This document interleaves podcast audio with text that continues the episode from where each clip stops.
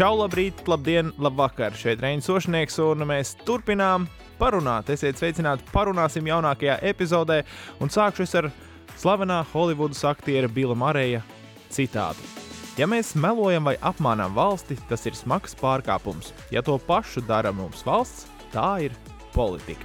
Šodien runāsim ar vienu no de facto komandas balstiem Ingu Šņori par politiku, politiskajām aizkulisēm un darbu Latvijas televīzijā, kurā nesen šo februāri viņa nosvinēja pilngadību.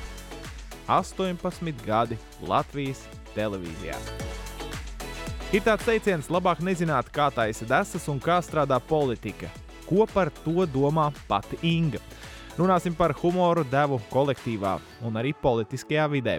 Kāpēc attālinātās intervijas bojā Ingas prieku par darbu? Šis un daudz kas cits turpmākajās minūtēs.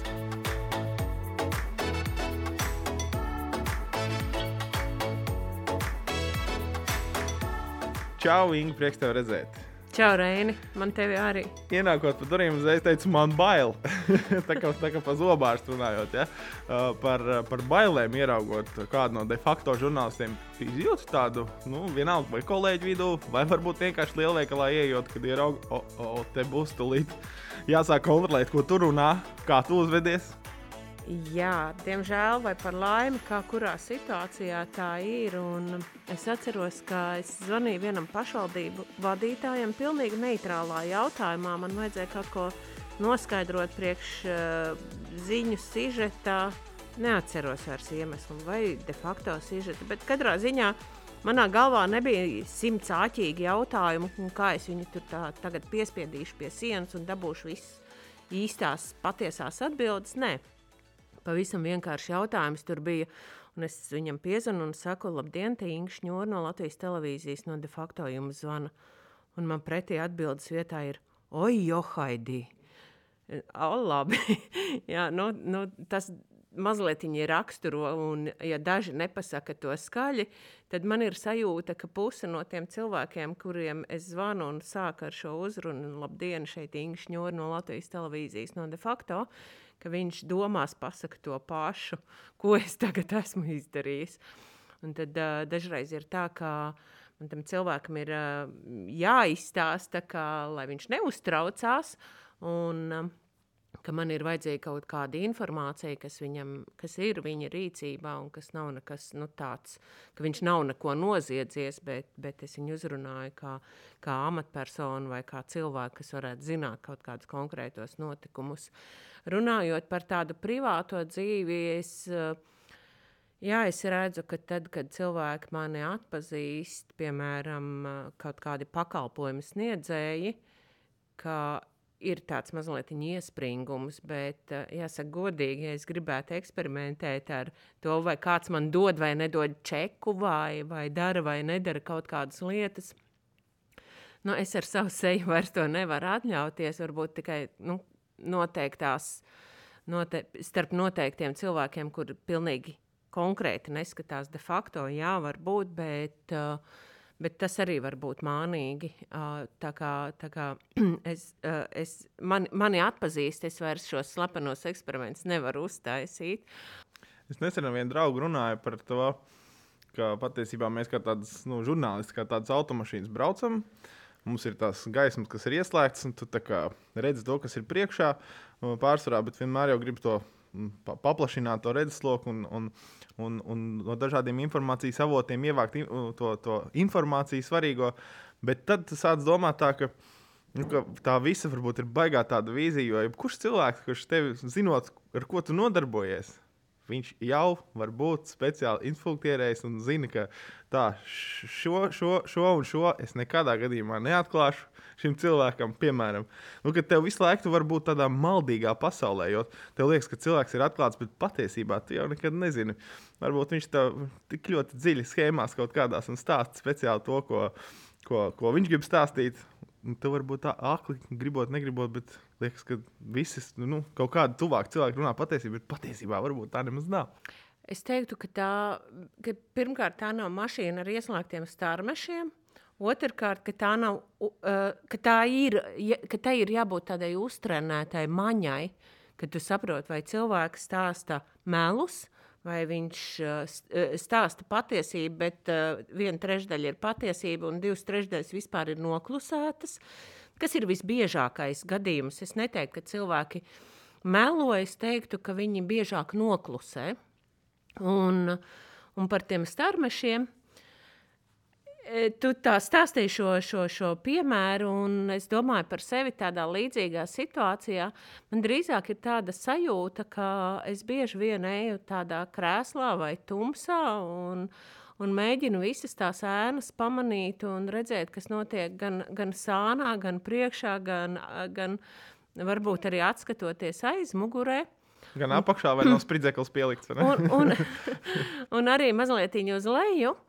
Un tajā brīdī, kad es esmu nofokusējis uzmanību uz kaut ko, tad gan, tad gan tai, tur ir tā mašīna ar tiem starmešiem, lai izgaismotu tieši šo un man netraucētu nekādas apkārta lietas. Jo, piemēram, tad, kad es esmu dziļi iekšā sižetā un pētu kaut kādu konkrētu lietu, tad nu, tie pārējie notikumi man mazliet nesaistīti ar šo, kas ir mazliet aizplūst garām. Un tad, kad es esmu atpakaļ, tad man ir jāizlasa, oh, kas noticis pēdējās divās dienās. Ak, Dievs, ak, Dievs! Es esmu bijis piecus gadus senā pagātnē, izpētījis visu, kas notika toreiz, bet es nezinu, kas notika vakar. Nu tā. Bet uh, par draugiem, paziņām, radiem un citiem jauši vai nejauši satiktiem cilvēkiem, jā, man ir mazliet sajūta, ka filtrē, ko man saka. Un, uh, un man ir bijuši tādi gadījumi, kad cilvēks kaut ko runā, un tad viņš saka, tu tikai, tu tikai šito neizmanto darbā. Ai, vispār, es saku, nē, bet tas, nu, tas nav. Jo cilvēki nesaprot uh, vienmēr, kas ir vai kas nav interesanti žurnālistiem. Jo man dažreiz ir bijuši arī tādi gadījumi, kad cilvēks stāsta it kā nu, viņa, viņa skatījumā kaut kādu pilnīgi parastu notikumu. Uh, nezinu, lai aizpildītu laiku, varbūt nu, runājoties vienkārši. Es kā, ak, Dievs, tur taču ir sižets, tur ir tāds sižets. Nu, es drīkšu to izmantot, jo nu, personīgās sarunās tomēr ir jāpavaicā šī atļauja vai to informāciju, ko tevi cilvēks ir uzticējis vienkārši kā cilvēkam, vai to tu vari izmantot tālāk kā žurnālists.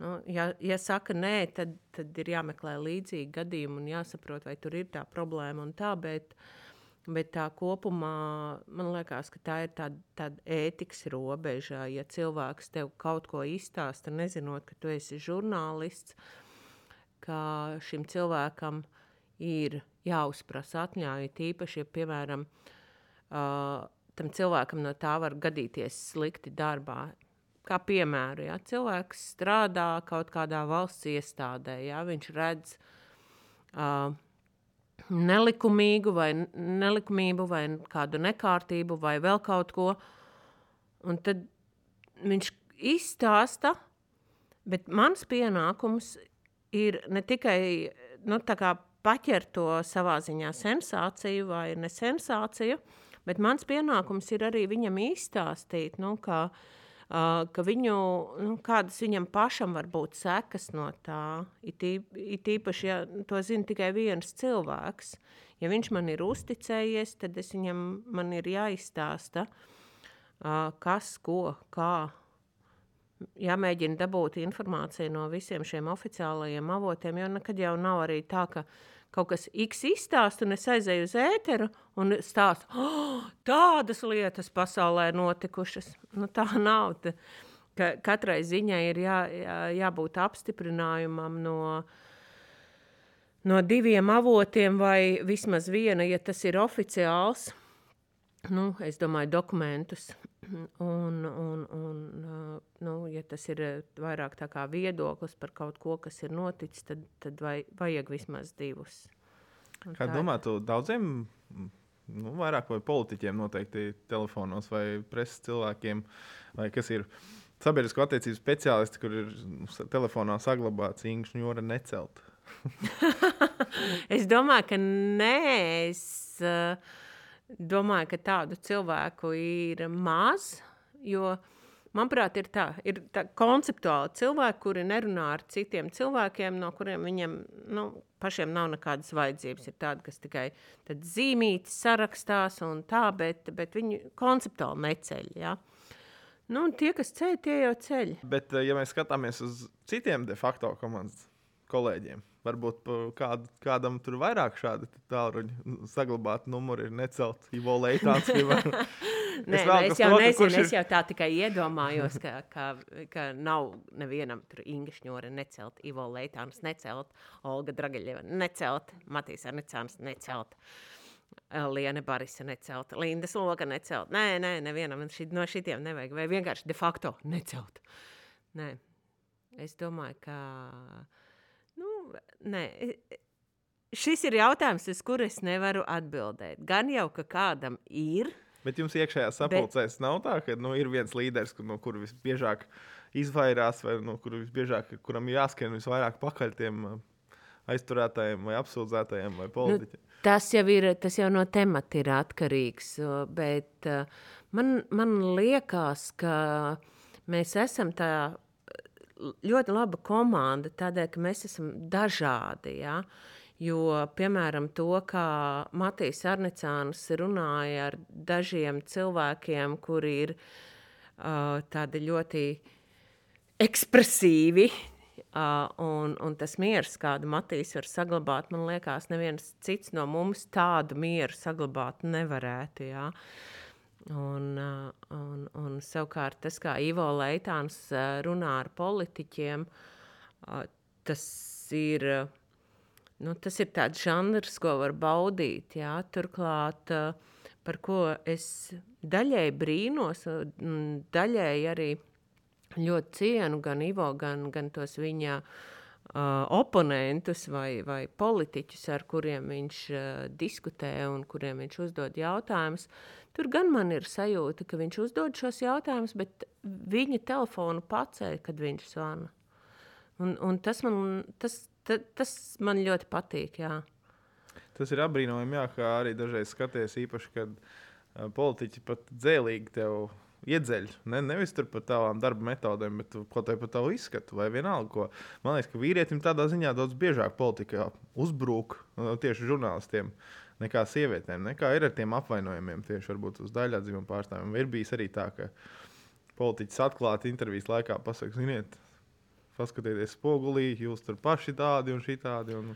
Nē, man liekas, ka drīzāk tā problēma mēdz gadīties pretēji, ja, kā ar vīrieti, žurnālistu, politiķis. Vīrietis runā vairāk kā ar līdzvērtīgu personu nekā ar sievieti. Ne visi, bet manuprāt, ir tādi gadījumi, un kāpēc es tā saku? Tādēļ, ka man pašai ir bijis tā, ka nu, tās uzrunas, ja, un, un tā mētelīšu padošana, un tas viss, nu, tas man liek justies slikti, uh, redzot, ka es vispirms esmu sieviete, un tad esmu žurnālists. Nē, es vispirms esmu žurnālists, un par dzimumiem mēs tagad nerunājam. Jā.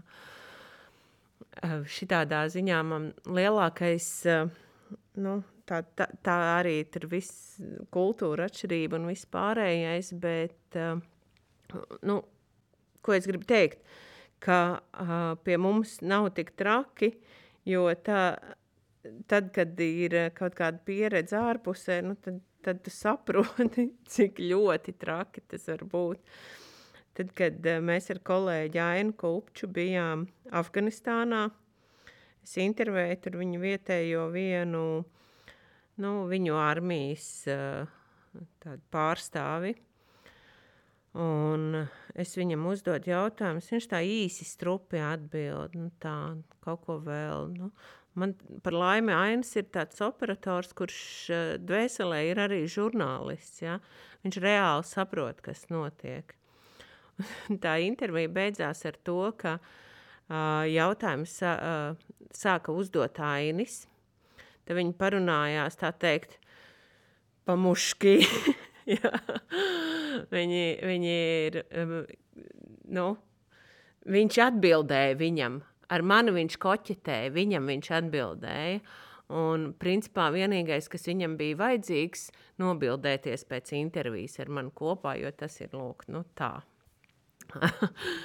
un, jā, tā, tāda attieksme par laimi Latvijā es nekad neesmu satikusi. Un, un par laimi arī šī līdz, līdzvērtība starp dzimumiem pieaug. Mēs neesam paši sliktākie, bet mums vēl ir stipri, kur augt. Mm -hmm. Par uh, mēdīju treniņiem, kas ir vairāk runājot par tiem, kas uh, iet uz tiem treniņiem, lai trenētos, kā runāt ar mēdījiem, kā pasniegt informāciju, kā tur izlavierēt starp jautājumiem, kā neatbildēt varbūt tieši, bet centies, censties aplinkus aizvest to tēmu. Ir daži sporta funkcionāri, kur parādās šādi arī jūsu raidījumos. Kaut kā tu jūti, ka uh, Liekas, ka ir kaut kādi paņēmieni gan pirms intervijām, ka viņi tur kaut kā tur savu izskatu. Tur vienmēr tā liekas, ka ir nostrādāta kaut kāda sistēma, kā tur, kā tur ar to žurnālistu parunāties un tā tālāk, un censties to situāciju par, padarīt tādu draudzīgāku. Uh, tu izjūti tā, ka, nu, ka šis ir gājis, šis konkrētais cilvēks ir gājis pie tā cilvēka. Ļoti labi var just, ko viņš ir samācījies un kā viņš to iznes. es nezinu, pie kura tieši viņi iet trenēties. Es zinu, daži, kas um, trenē, jā, tādēļ, ka ir bijuši gadījumi, ka, piemēram, es zvanu uz vienu uh, ministrijas iestādi un prasu pēc vadītāja. Vadītāja nebūs, ziniet, viņiem šodien mēdī treniņš pie tā un tā. Uh, ok, labi. Nu, vispār nerunājot par to, ka tas cilvēks sev pamatā prezentē kā žurnālists, kas man liekas, ka ir ļoti nu, nepareizi savienot žurnālistu darbu ar šo trenēšanas darbu. Bet, nu, labi. Bet mediju treniņi tas ir, tas, ir, tas ir vispār kaut kāds tāds stāsts, par kuru es varētu runāt un runāt. Piemēram, To, ka cilvēki ir satrenēti, to var redzēt. To reāli var redzēt. Var redzēt, uz ko viņi ir trenēti. Tur ir vairākas metodes. Ja? Un, uh, man ir bijis tāds gadījums, kad uh, saka, kas jums ar to politiķi X? A, kāpēc ir tā, ka jūs viņu regulāri nointervējat un nekad neieliekat? Un tas ir tādos gabalos, nu, ka tu nointervēji desmit, un tad izvēlies kaut kādus piecus, ja, piecus ko ielikt citāts uh, savā sižetā, un, un, un pārējos vai nu pārstāst, vai, vai neizmanto atkarībā no situācijas un politisko spēku samēra konkrētajā sižetā. Un ko man viņam tam cilvēkam atbildēt, ka politiķis X ir tā pārtrenējies savos mediju treniņos, ka viņam vairs nav nu, tādu cilvēcīgu atbilžu. Jo to ļoti, ļoti, ļoti var just šajā žurnālistu galā, kā viņš ir satrenējies, un viņš saka neko, un man tas nekas nav vajadzīgs. Un kamēr tāds labi satrenētais politiķis saka neko, tikmēr arī to neizmantos. Nu, priekš kam? Un, un tad var redzēt arī dažreiz, piemēram, ta, ta, tas arī ir diezgan kaitinoši. Uh, treneris X politiķim Y izstāsta. Tu to savu galveno domu atkārto dažādos veidos, bet tikai to saki. Nu, tā, tre, tā intervija jau ilgst jau 10 minūti, 15 minūti. Un tu visu laiku saproti, ka viņš saka tikai vienu un to pašu domu. Vienu un to pašu. Tā, tādos vārdos, šitādos vārdos, bet nekā cita tur nav. Un tur nevar tikt reāli uz priekšu, tādēļ, ka tur ir tikai tā viena doma. Un pat ja tu uzdod vēl citus jautājumus, viņš atgriežas caur tādu īsu repliku atpakaļ pie tā. Un man jāsaka tā, ka cienījamie politiķi visiem treniņiem ir jābūt ar jēgu, mēru un saprātu. Nu, tas tāpat kā, ja tu sāc nu, tur trenēties, lai tev šitie smuki un šitie smuki muskulīši, un beigās tu kļūst par kultūristu. Nu, tas jau izskatās kaut kā pilnīgi citādi nekā tad, ja tu esi vienkārši labā fiziskā formā, vai ne? Nē, pārspīlēt. Bet, uh, Bet varbūt es nezinu, vai tam būtu laiks, bet vienkārši sākt likt arī tās pilnās intervijas. Tad uh, tādā ziņā mazliet parādīt tautai, nu, redzēt, kā cilvēks maļ vienu to pašu, bet mm, Nē, nav jēgas no zini, tā. Es teikšu tā, ka varbūt netrenēts uh, cilvēks, viņš to varbūt arī nesadzirdēs. Ja viņš runā, viņš to pasaka citos vārdos. Un daži īstenībā, īstenībā man jāatzīstās, ka daži to izdara tik izcili, ka tad, kad uh, es klausos interviju, nu nevis uh, jau atšifrējot, bet klātienē, kad es intervēju, ka es pat to nejūtu. Varbūt. Un pēc tam, kad es atšifrēju, kad man ir jāizvēlās citāts, es saprotu, ka, jā, ka ir noticis tas, jā, ka visu laiku ir teikts viens un tas pats, un tu reāli vari izvēlēties vienu citātu, bet uh, ne vairāk tādēļ, ka, nu, ka viss pārējās citātos viņš saka to pašu. Bieži tā nav, bet, jā, bet tā ir gadījies. Vai ir tādas, tādi politiķi, uh, vai vienkārši jebkuru cilvēku, ko jūs intervējat, uh, nu, kuru varētu nosaukt, ka man vienmēr patīk, tur var konkrēti uzvārdi nepatīk, bet var just, ka cilvēks ir ļoti daudz grāmatas lasījis, un ka viņš nevis vienkārši sausi atbild par kaut kādiem konkrētiem faktiem, bet viņš tā ļoti cenšas to visu varbūt kaut kādā ziņā salīdzināt ar kaut, kādu, ar kaut kādām apkārt esošām lietām, lai to ne to nopietnu lietu padarītu īsi, bet interesanti un saprotamu tautai. Ir tādi politiķi, kurus vienmēr ir prieks intervēt, ja tu zini, ka viņš tev, viņš tev atbildēs ļoti smuki, pareizi un tajā pašā laikā interesanti. Jā, tādi ir gan starp politiķiem, gan biežāk starp ekspertiem. Arī, nu, tas, ja tu esi eksperts, tad jau tas ir kā paģēra pats par sevi šādas plašas zināšanas un pietiekami interesants tās intervijas. Gan arī starp uzņēmējiem. Un tajā brīdī, kad tu redzi, ka tas cilvēks uh, zina, ko viņš dara, ka viņam ir ko teikt, tā, tādas intervijas jau rada prieku. Bet eh, jāsaka, tā, ka pēdējā gada laikā jau cilvēks klātienē mēs tik reti satiekam un aizvien retāk, un visi ir ieslēgušies savā mājās, savā salās, aiz saviem ekrāniem. Man kā žurnālistam ir ļoti grūti šajā laikā strādāt, jo, jo nav, cilvē, nav šī cilvēcīgā kontakta, nav šīs sarunas pirms un pēc intervijas, kas bieži vien man iedod vairāk nekā pati intervija. Kaut, kaut vai tādēļ, lai saprastu tā cilvēka attieksmi pret konkrētajām lietām, par kurām es viņu esmu ieradusies intervēt, man, uh, man patiešām tas pietrūkst. Man pietrūkst uh, klātienes sēdes tai pašai valdībai, ja, ka, ka aizbraucot otrdienā uz uh, ministru kabinetu, Tur var satikt gan, gan tos ministrus, gan valsts sekretārus. Dažreiz tas ir kaut kāds viens, divi teikumi, kurus eh, vajag pārmīt, lai kaut kāda liet, lai kaut kādām lietām vai notikumiem saprastu kontekstu un, un, un iemeslus. Bet uh, tagad, lai ar kādu aprunātos, nu, tad tur speciāli ir jāzvan vai jāorganizē visu tā.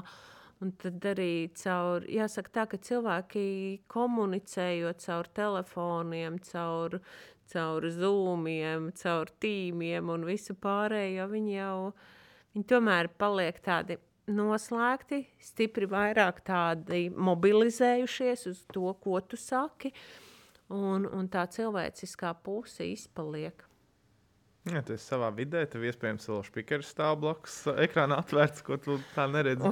Es, es nevaru tajos zūmos visiem pielikt aizmugurē karogi, tur foni, tapetes, un tas viss ir tik mākslīgs un neīsts, un, un, un nav forši, nē. Par uh, svētdienu. Raidījumi šie nopietnie ir tieši svētdienas vakari. Uh, nav bieži doma kaut kādās citās dienās, vai tomēr tā ir labākā diena? Kā- Kāpēc tieši svētdiena? Ieskrējiens nedēļai, tu jau sāc morāli gatavoties. Un uzreiz ar tādiem bombu bliezieniem, tas to izdarīs, tas iesēdināts, tā, tur ir korupcija. Liekas, tādas skaistas brīvdienas, ieslēdz televizoru un tur ir Inga vai kāds no kolēģiem. Nu, tas ir kā, kā to uztver, jo, jo mm, daļēji šie pētnieciskie raidījumi, pētnieciskā žurnālistika, nu, viņa daļēji ir arī izklaidējoša. Tādā ziņā, ka cilvēki uzzina kaut ko citu nekā vakar, aizvakar un aiz aizvakar viņiem pateica ziņās. Manuprāt, svētdienas vakaram vispār nav nevainas. Es nezinu, vai, nu, piemēram, piekdienas vakars būtu labāks, manuprāt, nē. Noteikti, ka nē, tad viss ir jau tādā čiliņā. Jā, jo uz- tad jau tu gaidi brīvdienas un tā. Svētdienas vakarā jau izgludina kreklus pirmdienai, jā. Saliec ēdienu kārbiņu līdzi uz darbu. Jau, nu, domās, jau tu mobilizējies jau uz to jauno nedēļu. Un jūs esat tie, kas ieliek atpakaļ sliedēs. Piemēram, tā. Sāk, sāksim domāt par darbu sēdienas vakarā. Sāksim nu, domāt, kā mēs nu, uzvedamies. bet es saku, daži to skatās kā izklaidi, daži to skatās kā zobu sāpes, tie, kurus mēs esam atklājuši, viņu mazās netīrās lietiņas vai lielās. Un, un, un, un daži, daži to mm, skatās kā ieskrējienu jaunai nedēļai. Tad, kad es biju maziņa, es arī esmu svētdienās, manuprāt, tās bija svētdienas. Es skatījos labu vakaru, kas bija pirmais, kur kaut ko tādu stāstīja. Nu, tas bija ļoti, ļoti, ļoti sen, bet, eh, bet eh, tā bija tāda, nu, tāds ekskluzīvs raidījums, kur gaidīja. Un es ceru, ka arī mēs esam ekskluzīvs raidījums, kur gaida. Es te ļoti forši pateicu par to, ka es biju maziņš, skatījos labvakar, un tagad, kad tu esi šīs svētdienas uh, skatuves, esi tu. Uh, ir kaut kāda līdzība. Tu vari noķert to pašu, toreiz gaidot, kā jauna meitene, tā es tagad uzzināšu ko jaunu, un tagad tu esi tā, kas pasniedz kaut ko jaunu. Tur var savilkt paralēli. Nu, Man šķiet, ka šīs, jā, var savilkt, droši vien, ka var savilkt, bet man liekas, ka to laiku un šodienu šķir mūžība manā galvā. Nu, ta- tas liekas tik ļoti sen, un tā bija tik ļoti cita pasaule. Tā es pati nebiju tā, tu, tu saliki kopā, es, ne, es nebiju pati tā aizdomājusies. Jo es vienmēr esmu bijusi tāda ļoti politiski, sociāli politiski aktīva, eh, gan, gan skatoties ziņas, gan, eh, gan lasot avīzes, eh, kur droši vien pārāk bieži pusauģi to nedara. Nu, tagad, ne tagad, ne toreiz. Ja. No labvakara tev ir kaut kāds tāds, nu, kaut kāds rokraksts paņēmies līdzi neviļus. Nē. Tie bija citi laiki. Tu saki, nē, pārliecinoši nē, bet man liekas, ka pilnīgi mierīgi, kāpēc gan nē. Tas jau ir ceļš, kā tu esi veidojies, un tomēr kaut ko jau gribot, negribot, kaut kur zemapziņā paņem, varbūt. Nē. Nē, joprojām nē. Es uzskatu, ka mēs esam nesalīdzināmi neatkarīgāki, nesalīdzināmi brīvāki, ar nesalīdzināmi daudz vairāk iespējām. Un ar to meiteni, kas uh, skatās, toreiz skatījās labvakar, un tagad skatās de facto. Domā, pēc, pēc gadiem, 25, 30, uh, arī būs kāda jauna meitene, kur teiks, uh, nu, protams, ka būs, noteikti ka būs, kas skatījās de facto. Un viņi arī tā šādi teiks. Ne, šādi viņi nevarēs teikt. Citādāk teiks, ka neatkarīgāk un lielākām iespējām. Gan jau teiks ko citu, mēs nezinām, kas būs pēc tā laika. Bet uh, nu, runājot par to, ka katrs jau kaut kādu mantojumu atstāja. Vispār tajos, ir kas- nevis 20, bet 30 gadi. Jā? Nu, trīs- jā. tas, tas ir diezgan daudz. Um, labi, es atklāšu noslēpumu. Mani bērni neskatās de facto. bet es, es zinu, ka mani bērnu klasbiedri gan mēdz to darīt. Nu, redz, Par to man, man tiešām ir ļoti liels prieks, ka manu bērnu klases biedri zina uh, to manu darbu. Un ne, un ne tāpēc, ka viņi uh, viņu klasē māca, nu, ka mēs esam šādā veidā saistīti, bet tādēļ, ka viņu ģimenēs skatās un, un viņi skatās līdzi. Man par to ir tiešām liels prieks. Un vispār man ir ļoti liels prieks par jauno paudzi, to jauno paudzi, kur es pazīstu caur saviem bērniem, caur viņu klasbiedriem, caur viņu draugiem. Un, uh, un, un, un es redzu, ka tur aug ieinteresēta, uh, kritiski domājoša, um, ļoti progresīva un forša paudze. Man tiešām prieks. Mm -hmm. Par tiem svētdienas vakariem vēl. Mm, daž, dažiem jā, tas ir jau, jau miers, mājās, visi jāiet gulēt, jāgatavojas pirmdienai. Jums beidzas raidījums. Nu, tad sākas tā pēcraidījuma dzīve sākās izziņas telefonos. Kas tas bija? No kurienes jūs kā tur kaut kādu komentāru? Es tagad gribētu arī to pusi dzirdēt, vai vēl tur trešo. Varbūt uztaisiet par to sīžetu. Ir tā šūmēšanās, vai tomēr viņi arī atliek? Mēs kā vēl... kuro reizi? Uh, agrāk bija vairāk, jo nebija Twitter, nebija Facebook. Nu, bija, bet ne tik daudz lietoja Twitter, Facebook, vēl kaut kādas uh, tīklus. Un, uh, Un tagad jau to, tas pirmais ir uh, Twitterī. Tur ir tāda visaktīvākā un tāda, jāsaka, laikam arī uh, tāda uh, publika, kas seko ļoti līdzi aktuālām lietām un attiecīgi ir aktīva. Un tad pirmais, kur es paskatos, ir Twitteris, ko, kā viņi ir noreaģējuši uz konkrētu to vai citu sižetu. Un, uh, Un ir bijis tāds reizes, ka vienkārši tu ieraugi, ka visu tu esi uzspridzinājis to, to sociālo tīklu. Vienkārši tā, tā Latvijas auditorija runā tagad par to. Un tādās reizēs man joprojām ir tā, oh, to izdarījām mēs. Tā sajūta, ja tā, tā, mm, nu, tā mazliet tāda varbūt Tā ir tā maģiskā sajūta. Tā ir tā maģiskā žurnālistikas sajūta, jā, ka pirmais ir, o, es to esmu atklājis, ja, kad dažreiz tu atklāji lietas, kuras tu nemaz tur nemeklē, un tad ir, wow, kas te notiek? Nu, mēdz būt arī otrādi, bet tās tā nepaliek atmiņā. un, un, un otra ir šī reakcija, un dažreiz ir tā, ka uh, parādot to lietu lielo kopsakaru, tā, tā, tā reakcija ir ārkārtīgi spēcīga. Par jokiem. Par melniem jokiem un ne, nepārāk melniem jokiem uh, politiskajā vidē un arī tieši uh, žurnālistikā. Uh, ir bijis kāds, kas, uh, zinot tā uzvārdu, pasakā, no, Inga, kad kādu sašņorēs atkal. Jā, tas ir diezgan tāds uh, izplatīts, tāds jociņš atvasinot no uh, manu uzvārdu. Bet man reiz bija kolēģis, kurš vienmēr ieraugot mani, teica, un manas bērnus teica, re, re ka nāk šņora ar diviem maziem striķīšiem.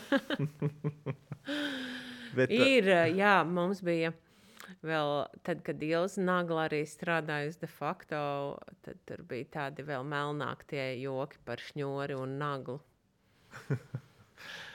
Var iedomāties, bet, uh, bet jūs saprotat, ka uztverat ļoti labi, īpaši jau melno humoru, un tā ir lieta, ko, ko savā starpā, īpaši de facto komandā, melnie jociņi ir iecienīti. Jociņi ir iecienīti, bez, bez tiem nevar. Man liekas, ka visās profesijās ir savi tādi melnie jociņi, vai melnie, vai netik melnie, bet tādi profesionālie jociņi, kur mēs kādreiz runājam. Ja kāds no malas tos dzirdētu, varbūt arī nesaprastu. Bet bez tā jau nevar, citādi ir ārkārtīgi grūti. Man jāsaka, tā, ka man šobrīd ļoti pietrūkst manas komandas klātienē, jo mēs strādājam katrs tādā savā, savā vietā un mēs nesatiekamies. Uh, tik daudz, cik kādreiz šeit garām ejot, un arī ļoti reti, jo nav jau kur iet garām, jo katrs ir kaut kur tādā savā stūrītī. Uh, un tās komandas, un to, to jociņu, un to mazo ikdienas prieciņu ļoti pietrūks. Es tā gaidu to brīdi, kad es varēšu satikt Matīs un Ivo un Lieni vienā telpā. Es skatījos, jā, es eh, tavā Twitter profilā nedaudz pavokšķerēju. Oh, tur vienkārši man patīk viens cilvēks, jā, tur bija kaut ko rakstījis, protams, par vakcīnām, par čipošanu un tā tālāk. Un uh, Inga Šņore atbild, lai labi turas tas čips. Man jāgaida vēl kādu laiku, lai arī būtu gatavi iet kaut šodien. Postscriptum.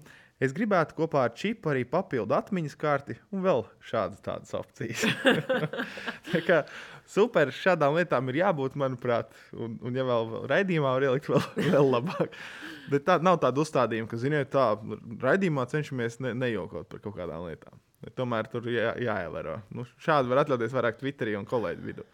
Vairāk Twitterī un kolēģu vidū raidījumā, ja nu kādreiz tādu nu, tādu mazu sarkasmu pilīti, ja, ko, ko ir skaidri zināms, ka nolasīs pareizi. Ar tādām lietām baigi uzmanīgi jābūt. Mm -hmm. Bet uh, kopumā pa Latvijas tādu gan sabiedrības, kas ir Twitter un sociālai tīkli, nu, šobrīd, mūsdienās, par to, kā cilvēki taisās mēmus un politiskos jociņus. Un, un, un, ja salīdzinām nezinu, to pašu Ameriku, kur atkal ir uh, prezidenti, jebkurā suvenīru veikalā, kas ir pārbāzts ar dažādiem joku, jokiem un, un, un etīdēm, kas ir karikatūras, krekliņi, visādas rotaļlietas un kaut kas. Ja salīdzinām, piemēram, Latviju un Ameriku, cik tālu mēs esam no tā, ka jebkurš vidējais tautietis, nu, viņš mīlēs jokot par tiem politiķiem, par prezidentu, par politisko spēku, par, Man, par žurnālistu. Manuprāt, mums vispār šī žanra pietrūkst. Mēs, mēs esam stipri iepalikuši, jo mums pietrūkst šī Nu, es nesaku, ka tam ir jābūt de facto. Tas nav mūsu formāts, bet ir tāds uh, formāts, ja, kurā ir visas šīs politiskās karikatūras, šī kaut kāda veida izsmiešana un saukšana pie atbildības caur brīžiem pat melnu humoru. Ja, visa, nu, visa šī kariķēšana, jā, mums, mums tā nav. Mums ļoti, ļoti, ļoti, ļoti maziņš tas plauktiņš ir. Tā ir brīva niša, kur varētu izpausties.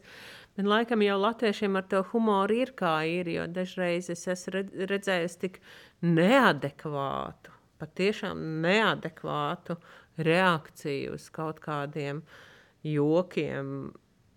Internetā. Tam ir jāizaug arī, man liekas. Tev ir, ir jāizaug, cilvēki jā. Latvijā bieži vien, man liekas, nespēja pasmieties par sevi un uztvert kaut kādas pat ar humoru, kritiku. Tas ir. Var apvainoties baigi. Jo man pašam patīk jokot, bet dažreiz saprotu, ka labāk tiešām nejokot kaut kādās situācijās. Jā, un ir otra galējība, ka mēs atļaujamies jokot vai mēģinam jokot par lietām, par kurām vispār nevajag jokot. Un tur to robežu nu, tur ne, bieži kāds nesaprot. Kurš ir lielākais jokdarbs de facto komandā? Es teiktu, ka Matīs ir Ivo katrs savā veidā. Bet viņi ir jāiepazīst, lai, jā, lai, jā, lai spētu. Jo tas, tie, tie joki dažreiz tādi ir skarbi, bet uh, ļoti trāpīgi mēdz būt. Mm. Labi par tām sapulcēm, kurās noteikti ir šie joki, bet uh, vai visu šo gadu laikā ir bijusi tāda reize, kad, uh, kad, kad ir tāda situācija, ka es varbūt pirms es turpinu jautājumu, es vienkārši pacienīgi aizdomājos, ka skatoties vai nekā personīgi, vai de facto, domā, cik skaisti būtu dzīve, ja tāda raidījuma nebūtu. Nu, piemēram, ja visi dzīvotu pareizi, visi būtu sakārtots, visi dara, kā, kā jādara. Vienkārši jautājums par to, vai vienmēr atrodas tēmas, tiešām, par ko runāt, vai tēmas ir jau pusgadam vai gadam uz priekšu. Nu, tu varētu ar aiztaisītām acīm pateikt, mēs taisam par to, tur noteikti ir problēmas. Mēs taisam par to, tur noteikti ir problēmas. Tur ir ko atrast. Manuprāt, sabiedrība ir tā uzbūvēta, ka nu, nav tāda ideālā. Nu, mēs zinām, dažas literatūras darbus, kuros ir mēģināts uzbūvēt ideālo sabiedrību, un kas no tā ir sanācis. Un, nu, tāpat kā cilvēki, nu, nav tādi visi simtprocentīgi vienādi, visi simtprocentīgi pareizi. Un, un, nu, tā ir tā dzīve. Es domāju, ka nekad nepienāks tāds mirklis, lai kā mēs censtos, ka, vi, kad uh, viss būs atrisināts, viss būs skaisti. Jā, es varbūt gaidīju tādu brīdi, kad mēs uh, varēsim taisīt sižetu par to, kā kāds politiķis, kurš ir iestājies par klimatu neitrālu politiku, uh, ka viņš nav uz nakti izslēdzis kaut kādu apgaismojumu lampiņu, bet nu, mums vēl ir laiks līdz šādiem sižetiem vēl diezgan daudz darāmā. -hmm. Bija tas teiciens, ka labāk nezināt, kā tā ir desas un kā strādā politika. var piekrist tam, vai var mierīgi gulēt un, un dzīvot valstī, ka tu esi vēl tuvāk izpratnē par to, kā lietas tiek organizētas politiskā vidē. Valdības līmenī un tā tālāk. Nenolaižās rokas darbībā, liekas, ka Dievs. Dažreiz nolaižās, jā. Dažreiz ir tāda sajūta, ka tu pēries, pēries, ņemies, atklāji, rādi, atkal, atkal, atkal rādi un, un uh, mainās pārāk maz kas, vai dažā, brī, dažos brīžos pat uz otru pusi. Un, uh, es, uh, es nepiekrītu teicienam, ka nav jāzina, kā tiek veidot politika. Ir jāzina. Un, uh, Un cilvēkiem ir jāzina un jā, jāiegūst tā veselīgā interpretācija. Jo, protams, ka politiķi vienojās, lai, lai, lai panāktu kaut kādu kompromisu, un tas ir normāli. Bet, ja uz šī vienošanās galda jau ir kaut kādas sabiedrības grupas intereses noziedotas vai, vai, noticis vēl kas ļaunāks, ko es tagad vārdā neminēšu, tad, tad tam ir jābūt atklātam un parādītam. Es absolūti nepiekrītu tiem, kuri grib izmantot šo teicienu, ka nav jāzina, kā taisa desas, un nav jāzina, kā taisa politiku. Nē, tie laiki ir garām. Tā, tā, ir jāzina jā. arī, kāda ir jāzina, gan ko tu lietas desās, gan kā tu taisi politiku. Mm -hmm. Par politiku vēl es pa pameklēju kaut kādus citātus, kas raksturo politiku. Walters Annenbergs lielākā vara, tā nav nauda, tā ir politika. Henrijs Kisingers 90% politiķu rūpējas par sliktu reputāciju atlikušajiem 10%. Bils Mārējs, aktieris, ja mēs melojam vai apmānām valsti, tas ir smags pārkāpums. Ja to pašu ar mums dara valsts, tā ir politika. Un Alberts Einsteins, tukšs vēders, nav labs politiskais padomnieks. Par Latvijas politiku vai var teikt, ka mm, Latvijas zinot, cik, cik, cik ilgi mūsu brīvvalsts ir, vai mēs esam ar pilniem vēderiem, lai domātu par valsts labklājību. Domāju, par to es velku uz to, ka nav tā, ka mēs joprojām dzīvojam tādā, tādā vidē, ka katrs tomēr domā joprojām par to, kā, Kā es te sev labumu gūšu? Mm, tās domas par pašlabuma gūšanu, manuprāt, nav saistāmas ar vēdera piepildītību tādā vai citādā veidā. Es domāju, pārnestā jo, nozīmē šo to. Nu, jā, jā, bet, bet tas vairāk ir atkarīgs no tās politiskās kultūras, no, no tā politiskā. Nu, ko tu vispār tajā politikā dari. Jā? Jo mēs zinām, ka ir cilvēki, kuri ir ienākuši politikā jau ļoti bagāti, un tas viņiem nav traucējis mēģināt uz valsts rēķina dzīvot. Nu, vairot šo savu personīgo labklājību, vispār neskatoties ne uz ko.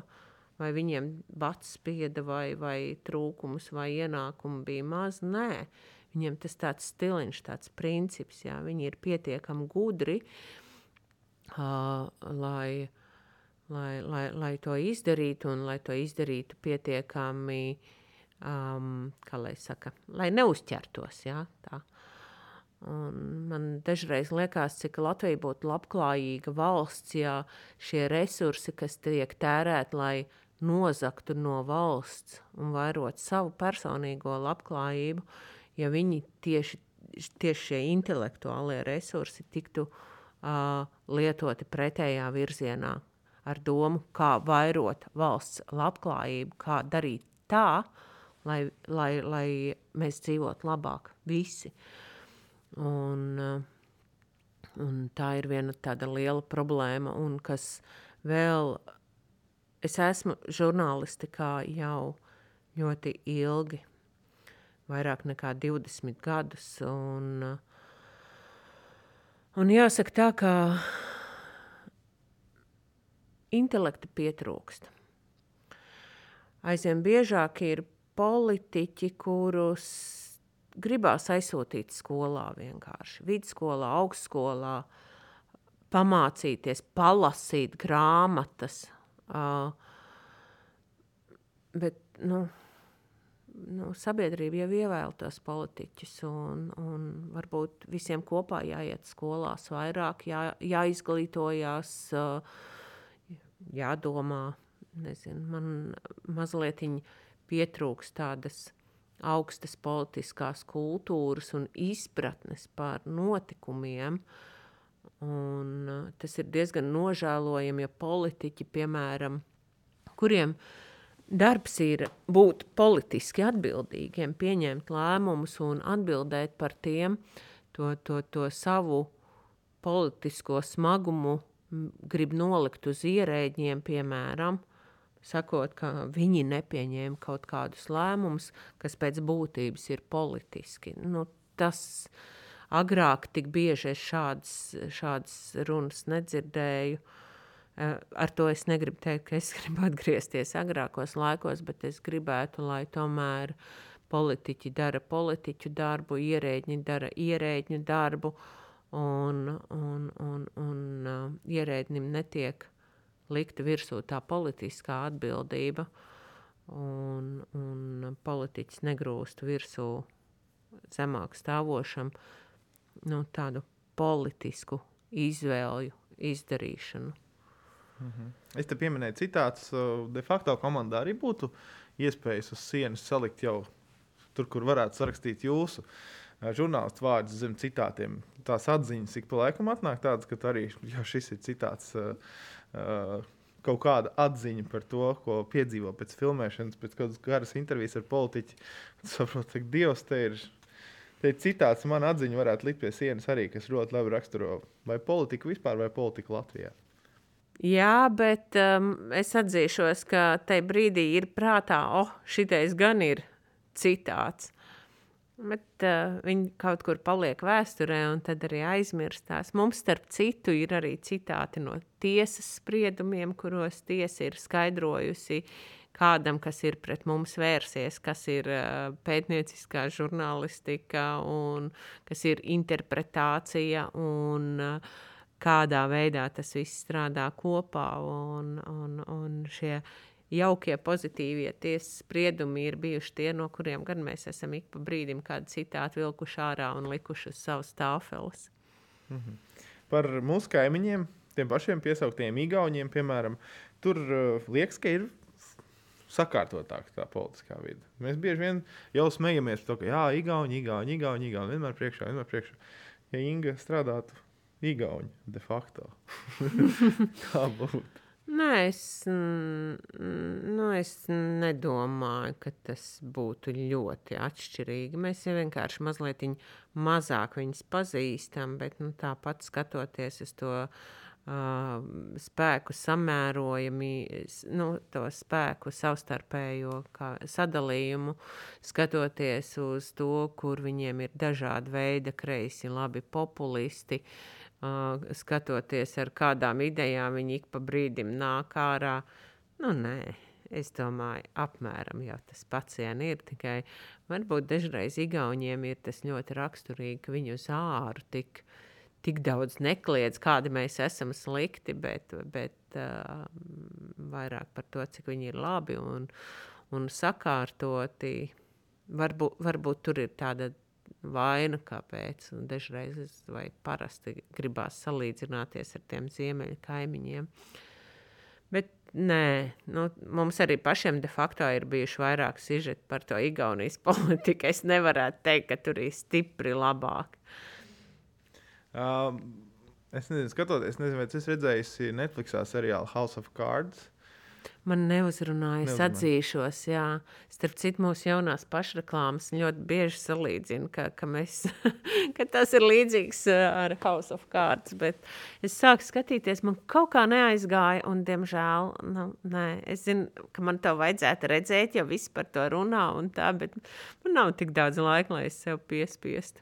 Jo, nu, tur, protams, tā angļu valoda, un ja tu īpaši labi nepārzini politiku un politisko vidi, īpaši Amerikā, grūti tur tā, tur jāskatās vairākas reizes. Man, protams, patīk tas paņēmiens, ka galvenais aktieris ik pa laikam ar tevi kā ar skatītāju runā, ka viņš pēkšņi tur procesos, tu esi blakus līdzstāvošs. Bet, bet kaut kā, nu, labi, ja, ja House of Cards neskaties, tad vai ir kaut kādas vai seriāli vai filmas vai reāls intervijas, tur, nezinu, Niksona vai, vai kaut kādas slavenas intervijas, ko tu noskaties, tev liekas, jā, nu, tas ir, tā ir tāda, tas, tas, tas skaistums žurnālistikā un politikā, ka kāda ir intervija un kā cilvēks spēj dabūt ārā tā māksla, tā kā kaķis ar pēli visu laiku. Jā, jā man, man tas fascinē šīs uh, intervijas, kurās tas žurnālists nu, redz, ka viņš ir sagatavojies, viņš zina visu, viņam ir tur, bet nu, viņš nedemonstrē to savu pārākumu.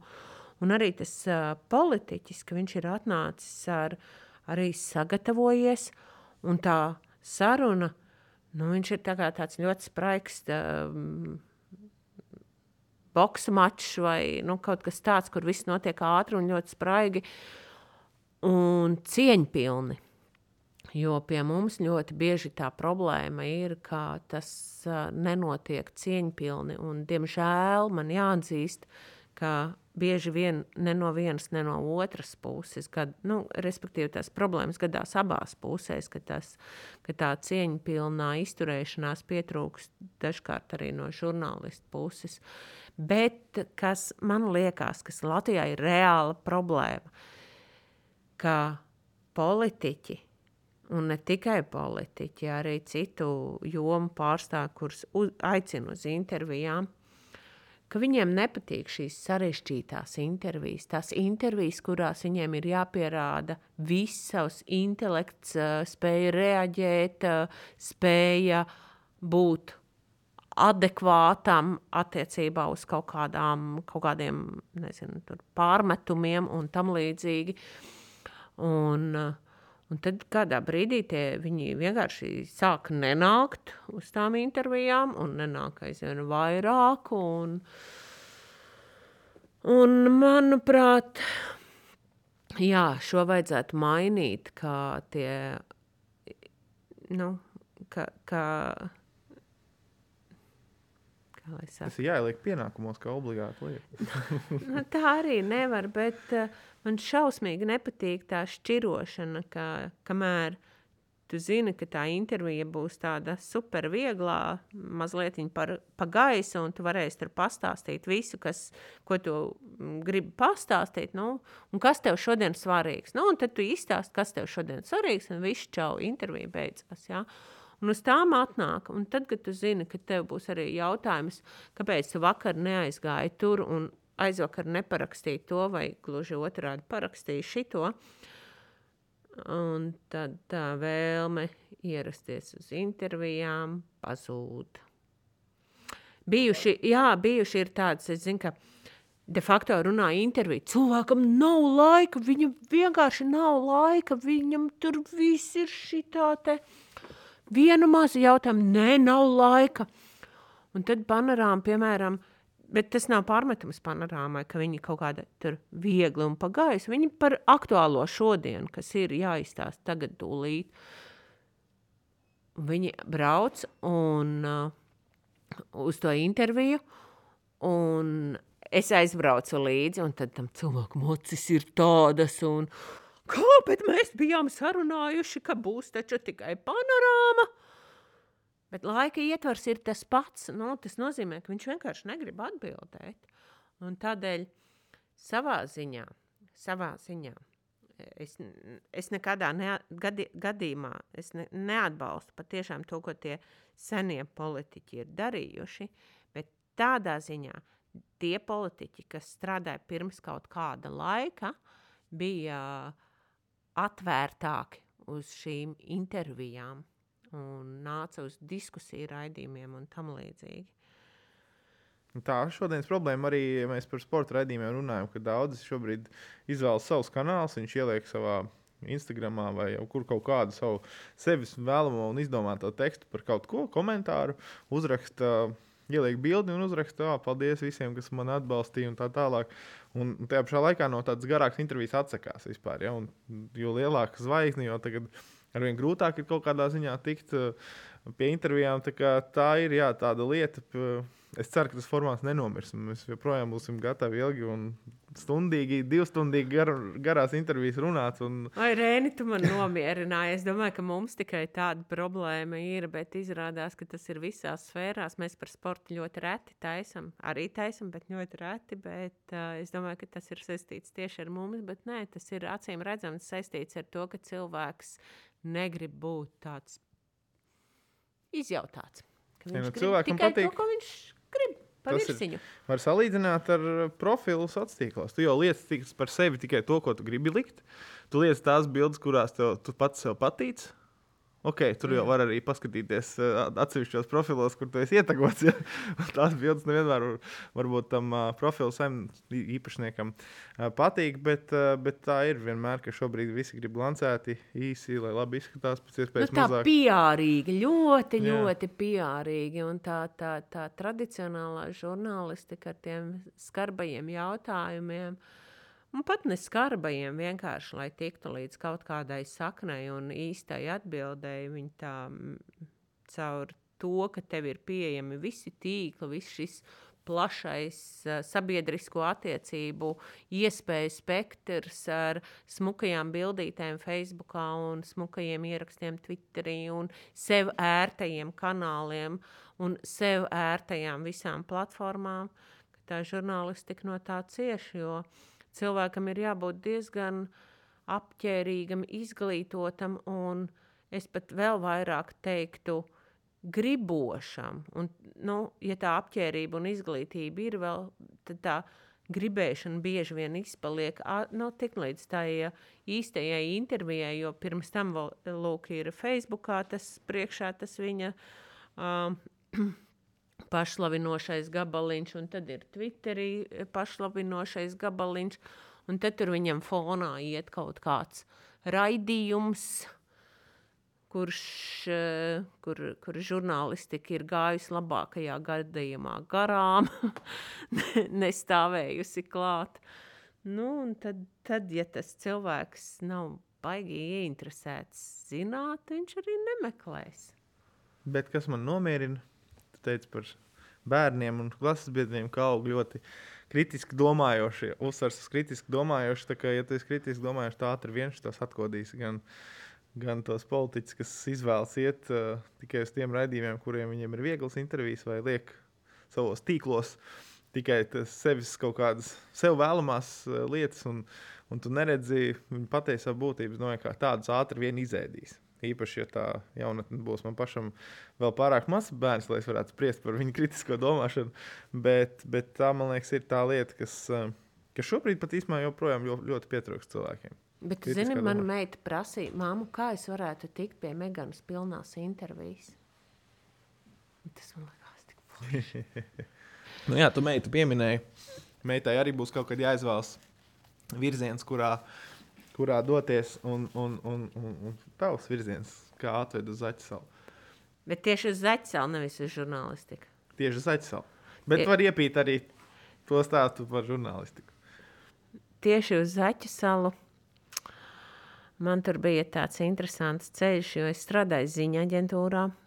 Es, uh, es patiešām sevi jau to laiku uh, Nu, manuprāt, es biju pierādījis, kā ļoti spējīgu žurnālistu. Es strādāju uz tiesas jomu, kriminālu ziņu jomu.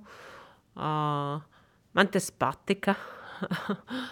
un, uh, es, domāju, ka, es domāju, ka tā arī mani pamanīja. Jo panorāmā atbrīvojās vieta uz uh, tieši tiesu un kriminālu ziņu reportiera vietu, jo agrāk bija stipri precīzāks tas dalījums, kurš uz kuru jomu strādā. Un tas bija 2003. gads, tātad pilni 18 man jau ir šeit. Un, un, un, un, jā, un tad Gundars Rēders man uzaicināja parunāties.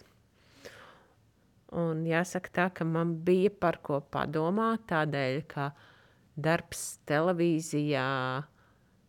Nu, es nebiju par to domājusi. Es pateikšu godīgi, es, es necīnījos tik televīzijā, es nebiju par to domājusi, es nebiju par to sapņojusi. Un tad bija zvans no Gundara Rēdera, vai tu negribētu? es mazliet padomāju un teicu, hm, es gribētu gan. Bet man bija tāds, um, es neteiktu, ka nosacījums, bet lūgums. Man bija lūgums uh, Gundaram divas nedēļas ļaut man vienkārši nu, es tur aizēju no tā darba, vēl, bet vēl neskaitot šeit, vienkārši saprast, kā tas strādā, kā tur montāža, kā tur filmēšana, kā viss process. Divas vienkārši, nedēļas pietika? vienkārši divas nedēļas, lai es varētu pa tukšo strādāt, bez algas, bez kā saprast, lai es, nu, man, man ļoti gribās vienmēr savu darbu izdarīt kārtīgi, lai nav tā kaut kā šitā te. Un tad uh, mēs vienojāmies, es atbraucu uz televīziju. Uh, televīzija uh, nu, man tā aprādīja apmēram visu, kas ir kas un tā. Un nākamajā dienā viņa saka, uztaisi sižetu. es saku, pagaidi, kā?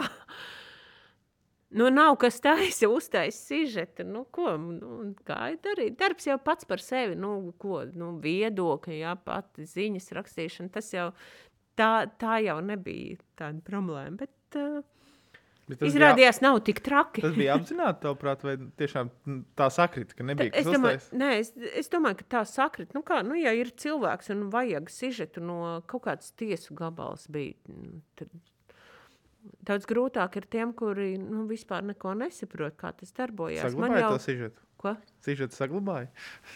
es domāju, es skat... ka viņš arhīvā ir. Nu, bet tu domā, bet tad jau tu neskatīsies. Nē, speciāli. Būs iemesli tagad, vismaz kā. Bet es vai? nevaru, jo es te runāju tādā čiepstošā balstiņā. un, un, un tas bija ļoti sen, jā. Bet es domāju, tā tīri saturiski, ka nebija tik traki. Nu, galīgi nebija traki.